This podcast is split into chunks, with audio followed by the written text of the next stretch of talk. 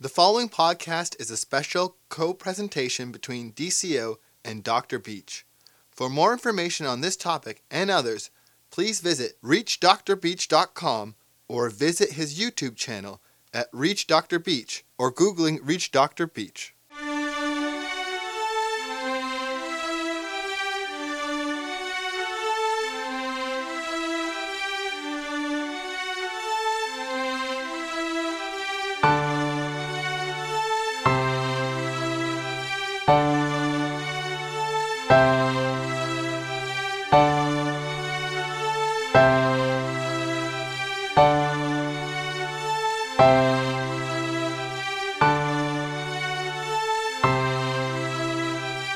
Last Insights video, Stalkers Part 1, I provided an overview on the five different types of stalkers, commonalities and differences, and the primary motivations for each type.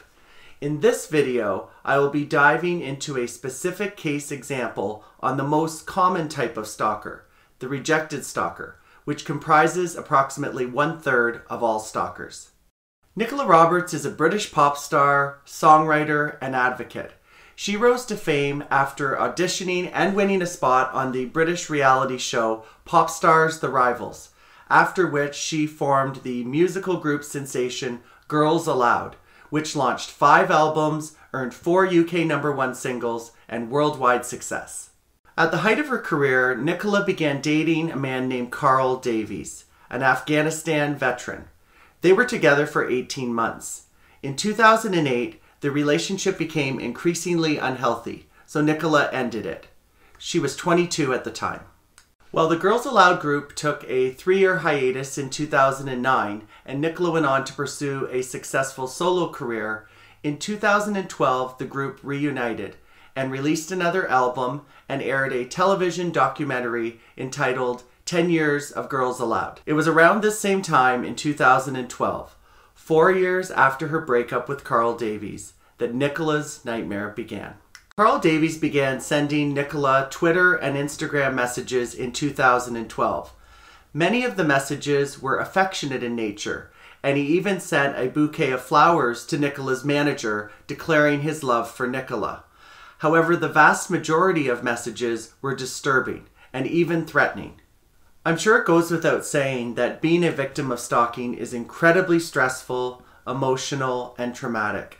And when you talk to victims of stalking, they will tell you that they experience a whole host of emotions from shock and disbelief to sometimes being in a relationship where some of the stalking behaviors have become normalized over time in the context of the relationship to a fear if a victim reports stalking that there may be retaliation or the system, including the criminal justice system, won't take the matter seriously or protect the victim adequately, or that reporting it may escalate the situation, or in the case of public figures or celebrities in particular, that reporting the stalking will invite unnecessary and negative media attention.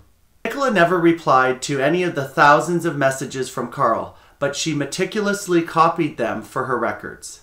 After five years of no response, Carl began stalking a friend of Nicola's, and it was Nicola's concern for her friend being stalked that prompted her to contact the police. Carl was arrested and pled guilty to one count of stalking and another count of persistent use of a public communication to cause annoyance or inconvenience. The court sentence included a lifetime restraining order to not contact or go within 250 meters of Nicola or her family or her friend.